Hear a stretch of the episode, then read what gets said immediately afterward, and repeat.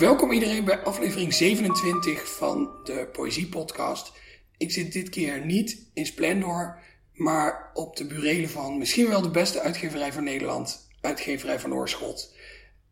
Met wie ik hier zit, dat ga ik nog even niet verklappen, want ik wil eerst twee mededelingen aan jullie doen. Het eerste is dat er een aantal lieve mensen aan de Rijksuniversiteit Groningen bezig zijn met een onderzoek naar misschien wel de interessantste groep mensen in Nederland, namelijk jullie. Uh, ze hebben een aantal podcastmakers geïnterviewd. En uh, de volgende stap in hun onderzoek is dat ze ook het publiek van de podcasts, van die podcastmakers, nou niet zozeer willen interviewen, maar een enquête in willen laten vullen.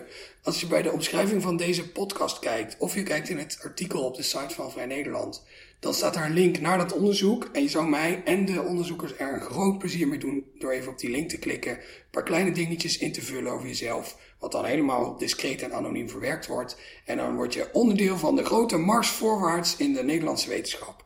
Dat was één. De tweede huishoudelijke mededeling die ik nog heb is.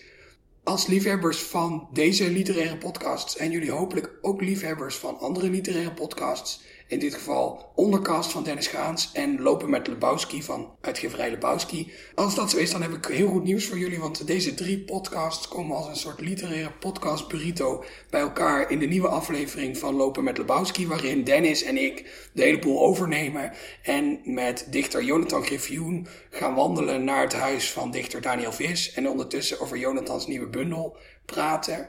Ga dat luisteren. En mocht je nou denken, uh, ik heb dat al geluisterd, want ik zit bovenop het nieuwe aanbod van podcasts in Nederland. Dan heb ik alsnog uh, een interessante mededeling, namelijk ik mag aan de luisteraars van mijn podcast vijf exemplaren van Jonathans nieuwe bundel weggeven. Als je denkt, nou die wil ik wel hebben, Stuur dan eventjes een mailtje naar poëziepodcast.gmail.com uh, met een leuk verhaaltje erbij over waarom ik uit de vele duizenden inzenders juist jou moet kiezen om die bundel aan te geven. En dan komt het allemaal helemaal goed. Dan ga ik hoogstpersoonlijk uh, voor curator spelen en de mooiste reacties belonen met een prachtige bundel van Jonathan Griffioen. Nu naar deze aflevering. Uh, vorige maand sprak ik met Emma Kribolder over een gedicht van haarzelf en een gedicht van Maria Barnas. En toen dacht ik, wat is er nou mooier dan deze maand te praten met Maria Barnas. Welkom Maria. Hallo. Voordat we het over een gedicht van jou gaan hebben, heb ook jij een gedicht meegenomen van iemand anders. Namelijk van Monica Rink. Wil je er nog iets over vertellen of kunnen we er het beste gewoon meteen naar gaan luisteren? Nou, misschien is het wel mooi om te vertellen waar het deel van uitmaakt. Het is een serie gedichten die uh, bij elkaar honingprotocollen heet. En elk gedicht daarin begint met horen jullie dat? Zo honen honingprotocollen. Dus tegen de tijd dat je het gedicht tegenkomt wat ik ga voorlezen, uh, zingt dat al voor en na, zeg maar, hè, die regel. Dus je bent al een soort deel van een systeem geworden tegen de tijd dat je dit, uh, dit dan tegenkomt. En uh, voor mij sprong dit gedicht er wel uit, omdat het een, aan de ene kant heel helder beeld is. Het is bijna filmisch wat er gebeurt, met wel obscure momenten. Ik begrijp niet alles helemaal probeer dan toch altijd voor me te zien wat er gebeurt. En dat lukt niet overal precies. Maar te midden van uh, heel veel abstractere gedichten is dit wel, spreekt het er wel uit als een, uh, een heldere, zeg maar. En dat vond ik echt heel mooi. Vind ik nog steeds heel mooi. Dus ik zal hem voorlezen. Horen jullie dat? Zo honen honingprotocollen. Die twee jonge mannen staken van wal op een trampoline. Die had een verend dek waarop zij lagen drie masten en ja, die masten tilden en kiepten het ding op zijn kant. En nee, die twee vielen niet overboord. Eerst zag ik dat alles van onderaf, toen was ik alg. Daarna zag ik het gestreept van opzij, toen was ik riet. Later, toen ik hemel was, zag ik die twee van bovenaf. Zij zeilden punterend en vlot, schenen het in de vingers te hebben. Maar daarna zag ik hoe ze kiepten en zonken, het meer sloot de trampoline in zijn hart. Toen dat geschiedde, was ik oever. Ik zweer het. Het meer was ik nooit.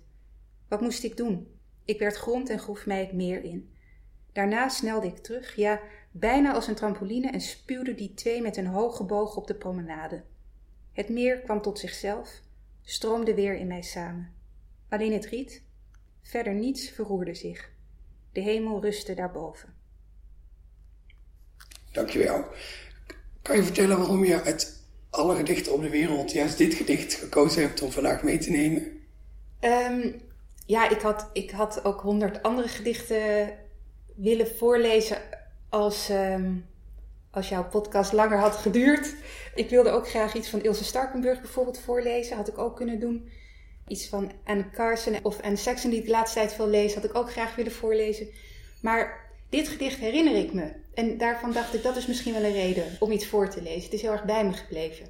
Terwijl van andere gedichten, ik ben niet iemand die woordelijk gedichten onthoudt. Dit gedicht ook niet overigens.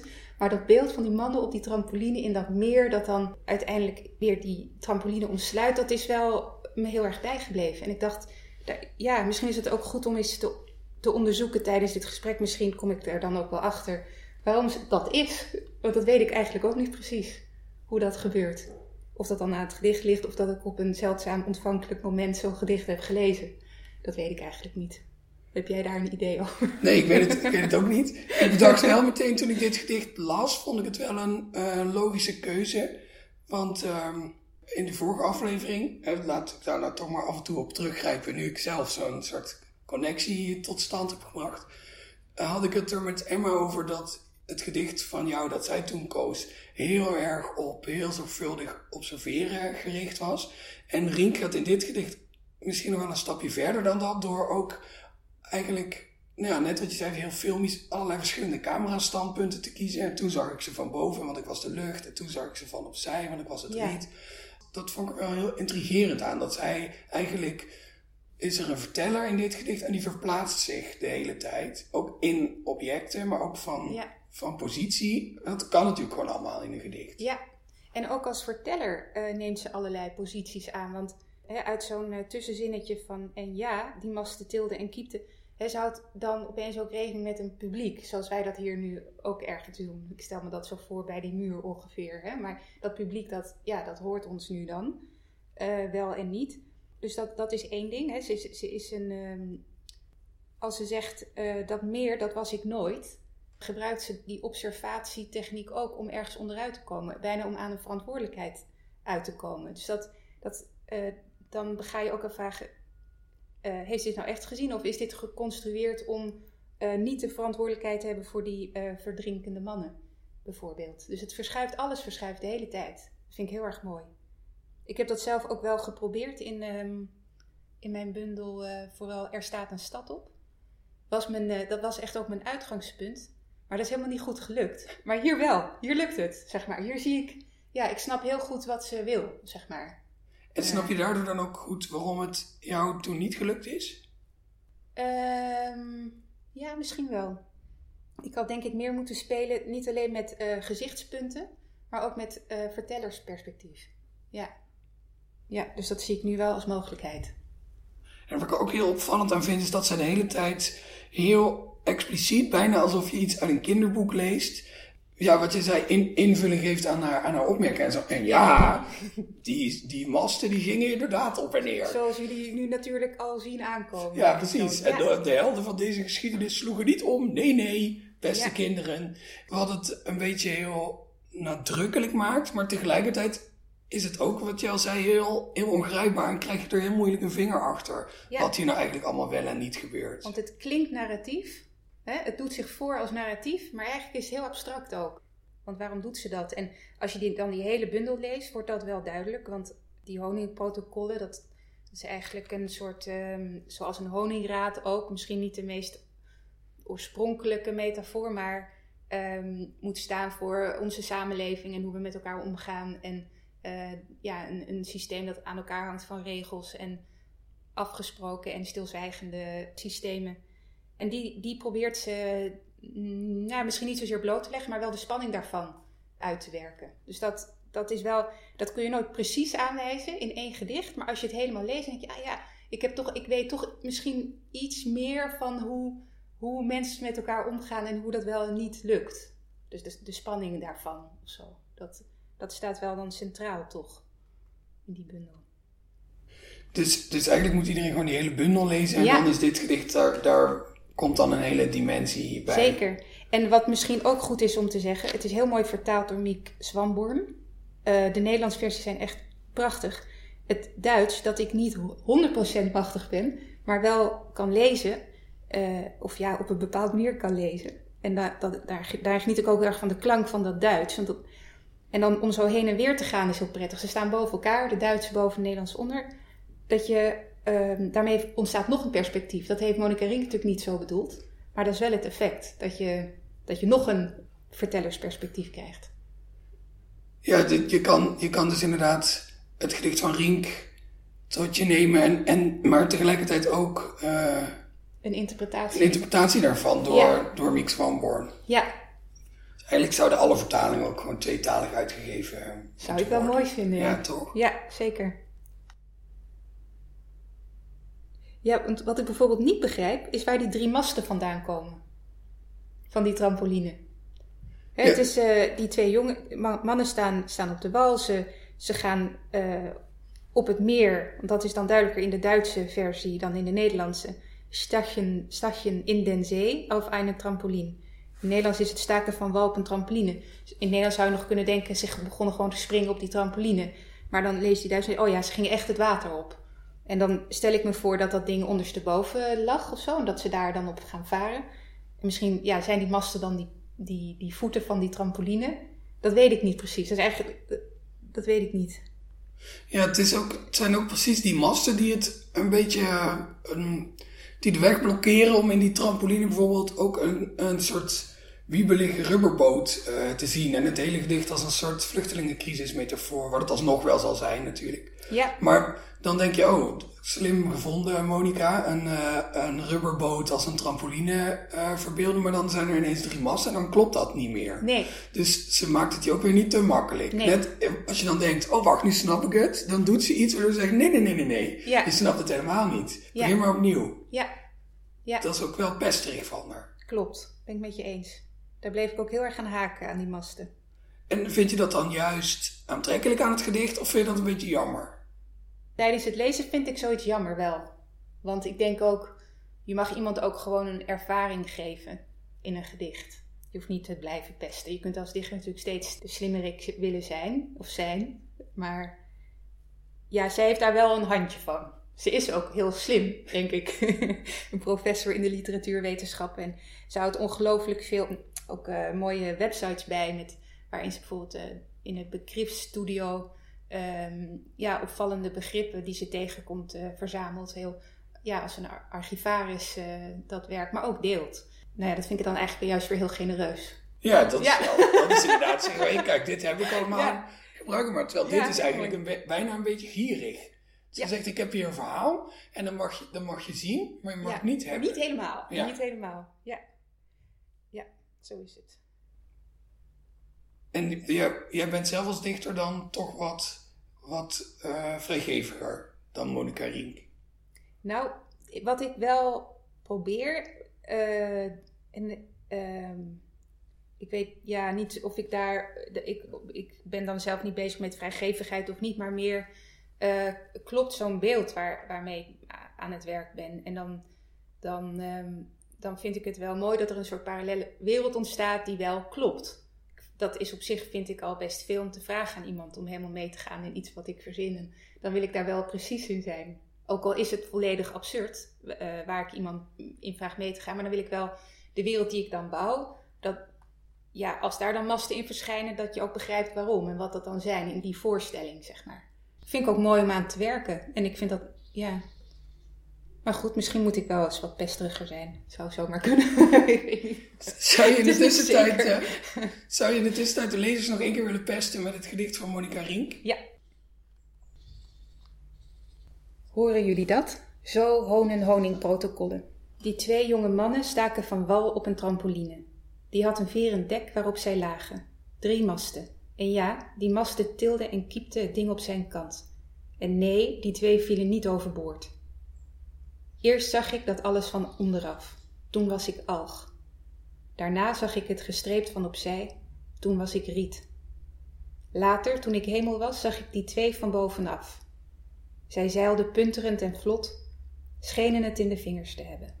Maar daarna zag ik hoe ze kiepten en zonken. Het meer sloot de trampoline in zijn hart.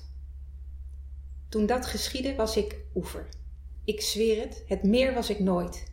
Wat moest ik doen? Ik werd grond en groef mij het meer in. Daarna snelde ik terug, ja, bijna als een trampoline, en spuwde die twee met een hoge boog op de promenade. Het meer kwam tot zichzelf, stroomde weer in mij samen. Alleen het riet, verder niets verroerde zich.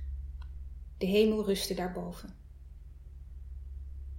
Wat me nu eigenlijk opvalt is dat die wat, wat moest ik doen zo'n goede vraag is, omdat hij heel dubbelzinnig is. Ja, aan de ene kant zo'n hulpkreet van wat moest ik doen, maar eigenlijk, maar ja, wat moest ik doen? Ik kon, ik kon helemaal niets doen. En daar, dat is wel een beetje de, hoe zeg je dat? Een mooi uh, omslagpunt in dit uh, gedicht. Ja, Als het een sonnet was, dan was daar, uh, is dat regel 9. ja. ja. Even stoer doen over versvormen. We, we hebben hier ook allebei een exemplaar van jouw kerstverse bundel op tafel liggen. Het is echt net uit, hè? Ja. Nachtboot, wat ik een hele mooie titel vind. En um, daaruit heb jij een gedicht meegebracht dat je voor wilde lezen. Waarbij ik gewoon weer dezelfde vraag heb. Namelijk, gaan we er gewoon meteen blanco naar luisteren of wil je er nog iets over vertellen? Ik ga gewoon voorlezen. Volgens mij is dat, uh, kan dat gedicht het wel hebben.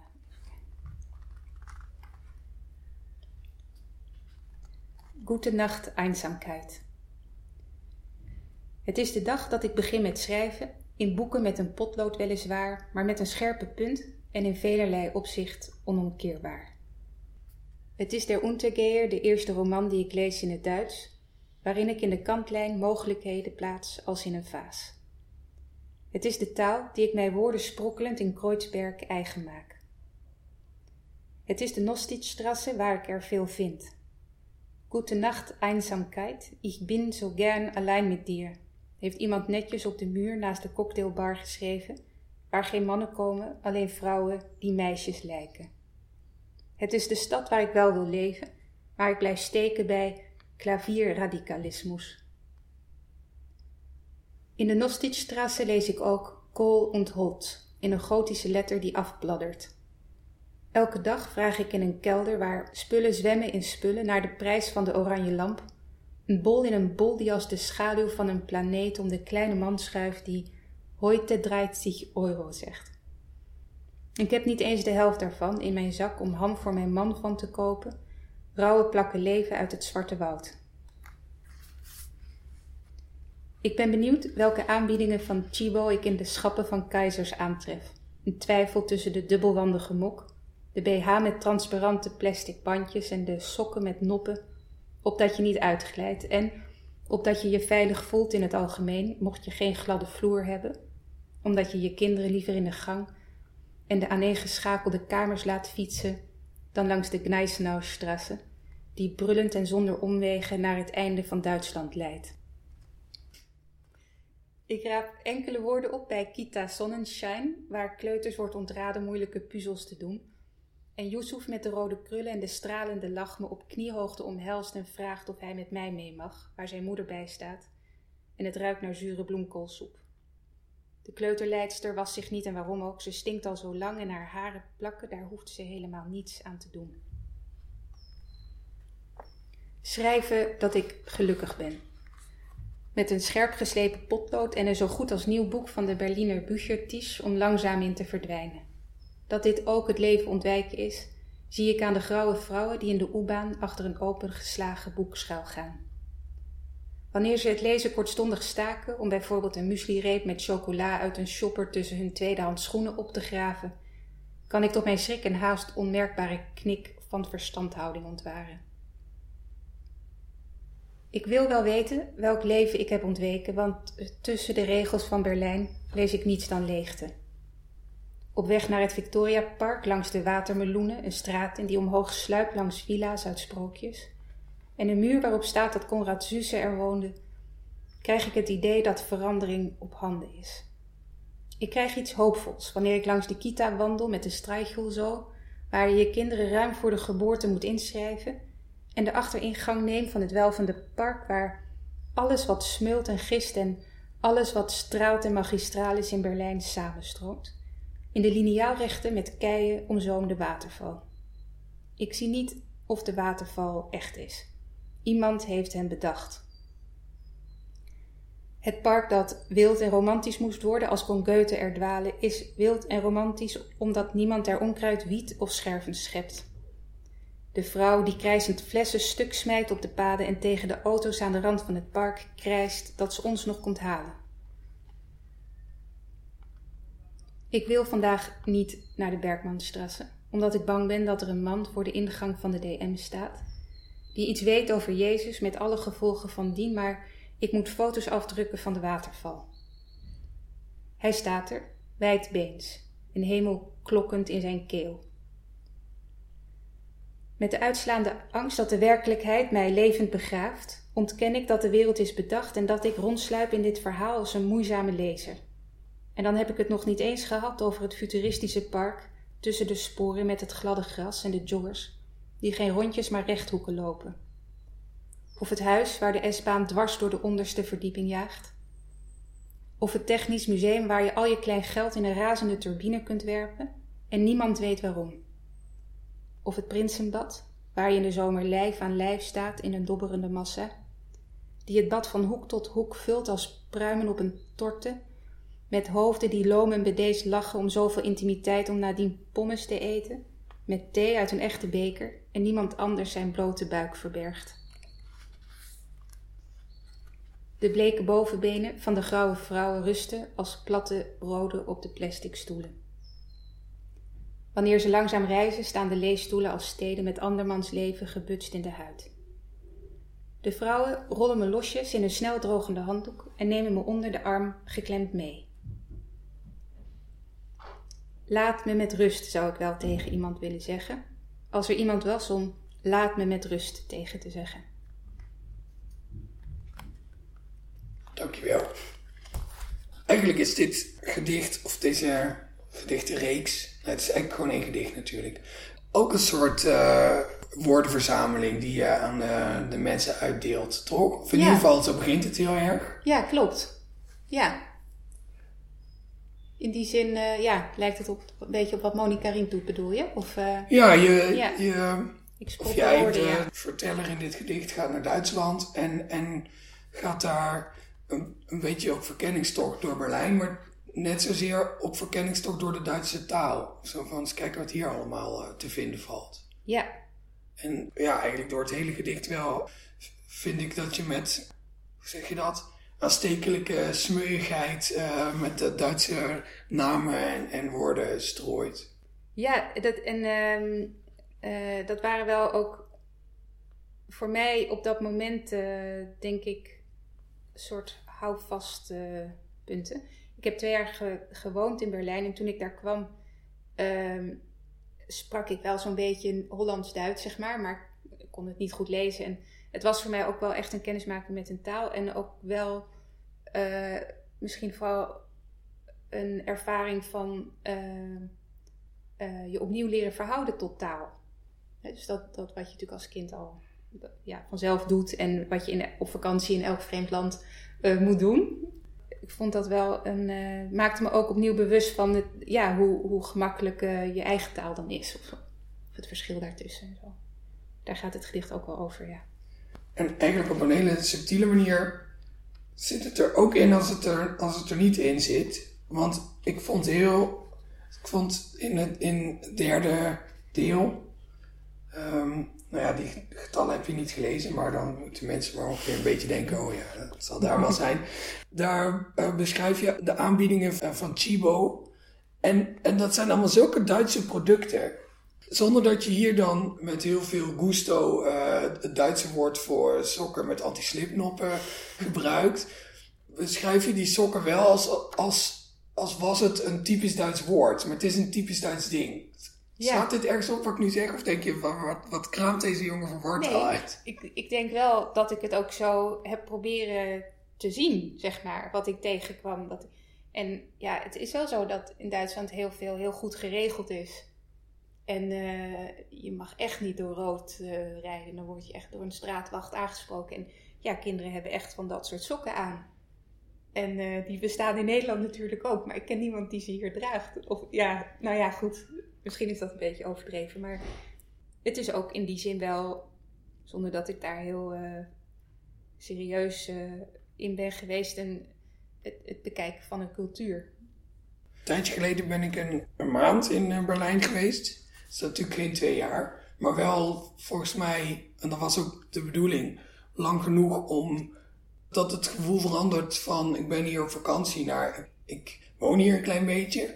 Dat je ook niet meer onmiddellijk weg kunt, zeg maar, op elk moment. Ja, precies. Maar ook dat je op een andere manier de plekken leert kennen waar je bent. Want zelfs als jij twee weken ergens in een of ander heel klein stadje gaat, dan op een gegeven moment dan, dan ken je dat stadje wel echt. Ja. Maar op de een of andere manier, als je ergens nog langer blijft, dan, dan kom je aan een ander soort kennen toe. En dan is het net alsof je op een diepere laag je bewust bent van je, van je omgeving. En volgens mij, hoe langer je blijft, hoe, hoe dieper dat wordt. Ik las dit gedicht en toen, ik herkende heel erg die manier van kijken naar, naar Berlijn. En toen ging ik me afvragen waar dat dan, waar dat dan in zat. Of, er dan Ja. een, of je dan een ander soort details opvalt. En dat het daarin zit. Maar nou, weet je wat jij misschien bij het gedicht van, eh van eh, Monica Rink had? Ik, dacht wel, die, dit gevoel zit in dit gedicht. Maar ik kon er, ik kon uiteindelijk niet achterkomen waar dan precies in. Ja, in, in Duitsland, het is vertaald, is, is het, zijn het de Berliner ele- elegieën, eh, eh, ook als treurdicht is het eh, gezien. En dat zit er wel in ook. Ik heb Berlijn ook niet alleen maar als stad van mogelijkheden gezien. Ik heb Berlijn ook wel echt gezien als plek waar als je niet alles kunt betalen, dat het ook best een lastige plek is. En dat mensen daar, ja, als je arm bent, zit je echt op de meest teleurstellende kinderopvang, zeg maar. Er is dan vanaf die leeftijd al bijna ook geen uitweg meer mogelijk. Dus dat, ik vond in die zin ook wel een zware stad. Meer dan hier, in Nederland. Het verschil tussen arm en rijk is echt groot. En ik denk dat dit gedicht misschien voor jou herkenbaar kan zijn, maar ik weet niet hoor. Ik test nu maar even het idee dat je het ook niet alleen maar als een heel positieve plek hebt gezien. Of, eh, Ja, misschien is dat het wel inderdaad. Dat je, ook, dat je het ook niet uit de weg gaat om het morsige Berlijn te Ja. benoemen. Maar dan ook niet uit een soort... Oh, wat is Berlijn toch lekker morsig. Oh, wat heb je in Berlijn toch een mooie rafelranden. Maar echt gewoon, oké, dit is allemaal lelijk. En dit is troosteloos. En dit vind ik, vind ik, dit vind ik schrijnend. Of... of hmm. Want dat, dat is inderdaad ook wel, als je, als je daar iets langer rondloopt, dan, dan is dat wat er steeds meer doorheen schemert, inderdaad. Een heel groot contrast tussen arm en rijk, Ja. ook binnen dezelfde buurt. Ja, ja. En het is gek, want eh, mensen met een, een beetje geld kunnen ook al vrij snel een behoorlijk levens, eh, soort levenskwaliteit veroorloven. Maar mensen die daar net onder zitten, die zijn eigenlijk verloren. En dat, dat vind ik heel schokkend.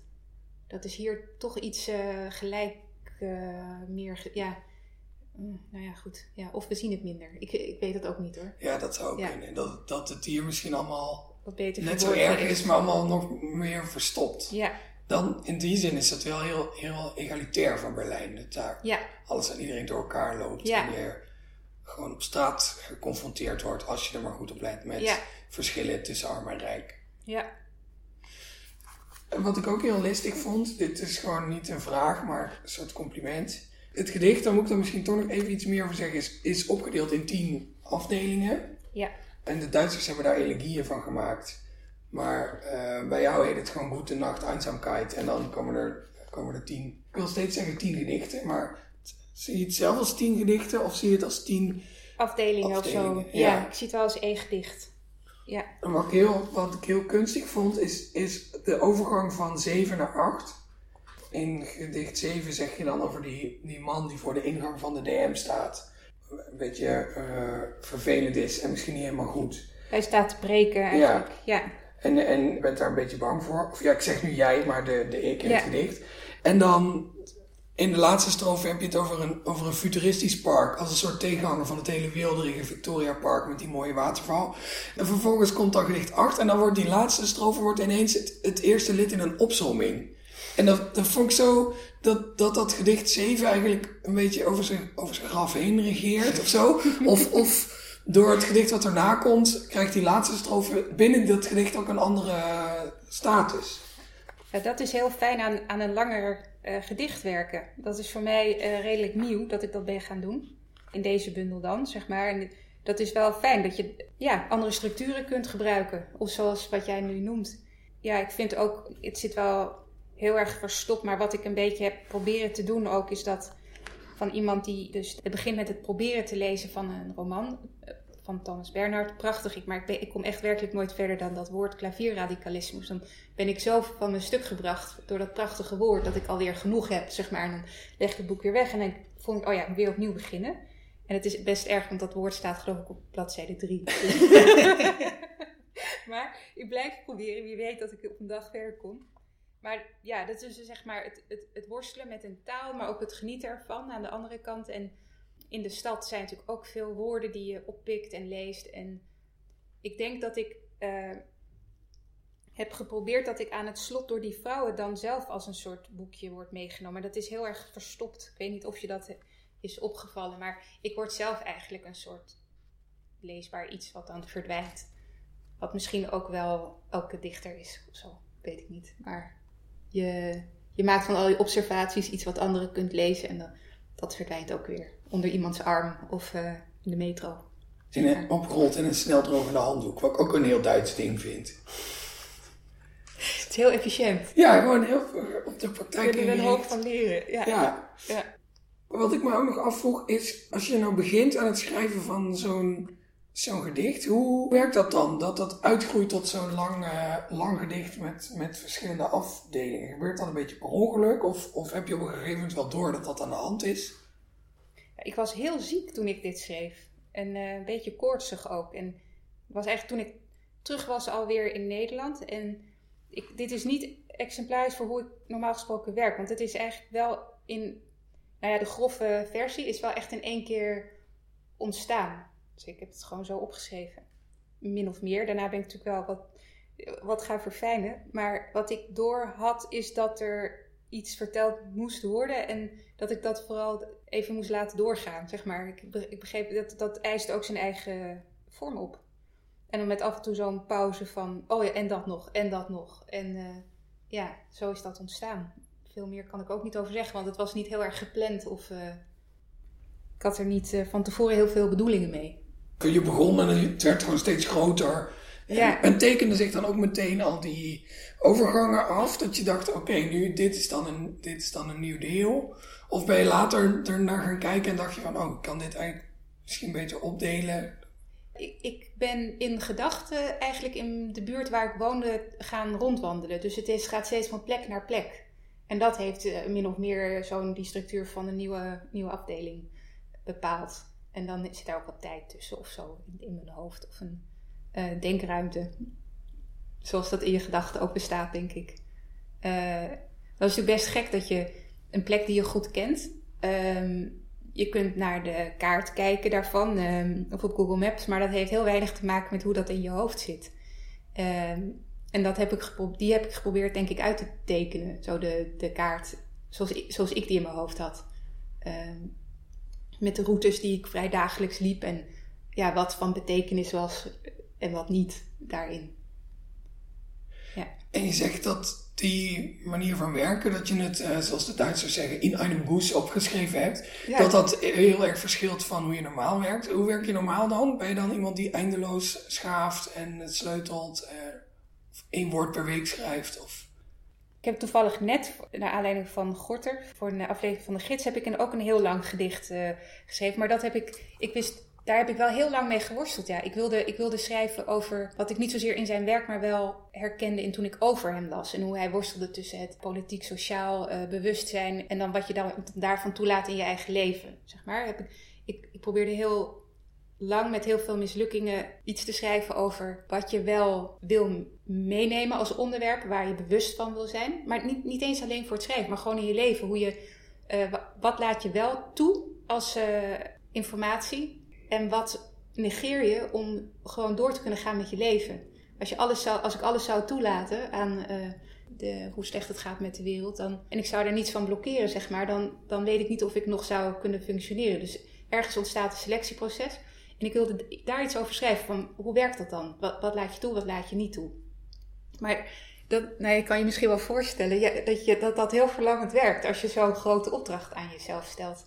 Dat was echt heel saai en vervelend om te lezen. En uh, dat, dat begon niet uit zichzelf iets te doen, zeg maar. Dus, maar toen sprak ik met een, uh, een kind dat op begon te sommen waar hij allemaal heel goed in was.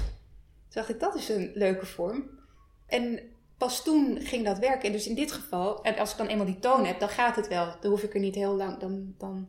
Maar soms is de, de goede toon vinden, daar doe ik dan wel lang over. Of de goede ingang vinden om uh, een bepaald onderwerp uh, te tackelen. En soms is die ingang gewoon met heel veel koorts in bed liggen. Ja. En dromen over Berlijn. Ja. Zou je die koortsdroom over Berlijn eh, nog één keer aan onze luisteraars voor willen lezen? Het is de dag dat ik begin met schrijven.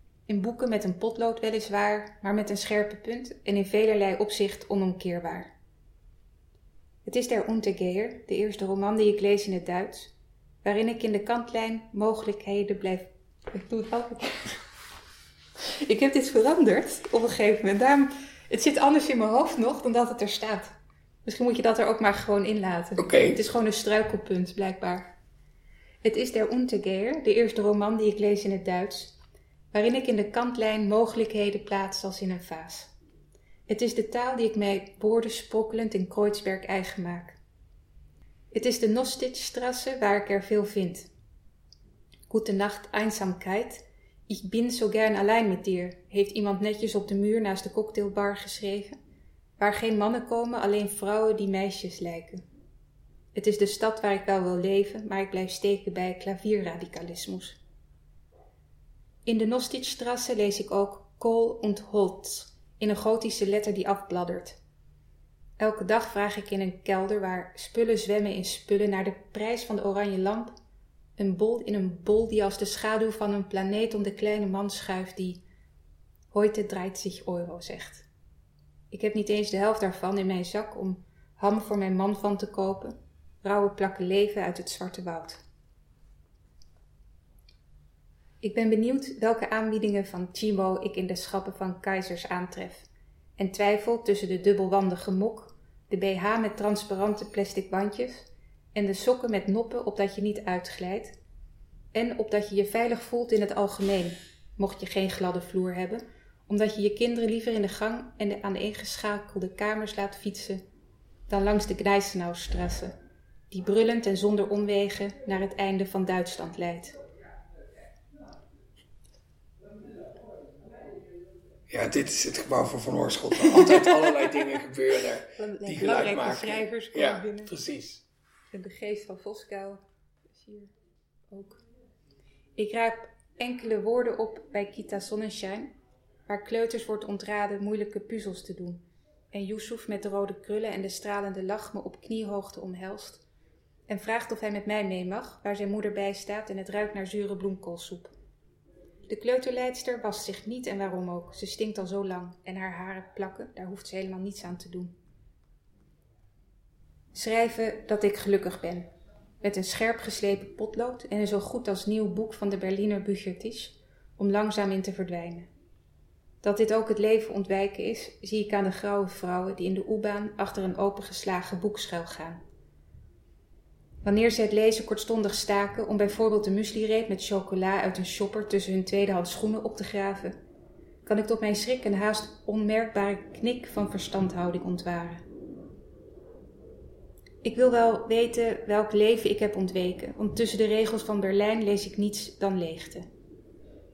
Op weg naar het Victoria Park langs de watermeloenen, een straat in die omhoog sluipt langs villa's uit sprookjes en een muur waarop staat dat Conrad Zuse er woonde krijg ik het idee dat verandering op handen is.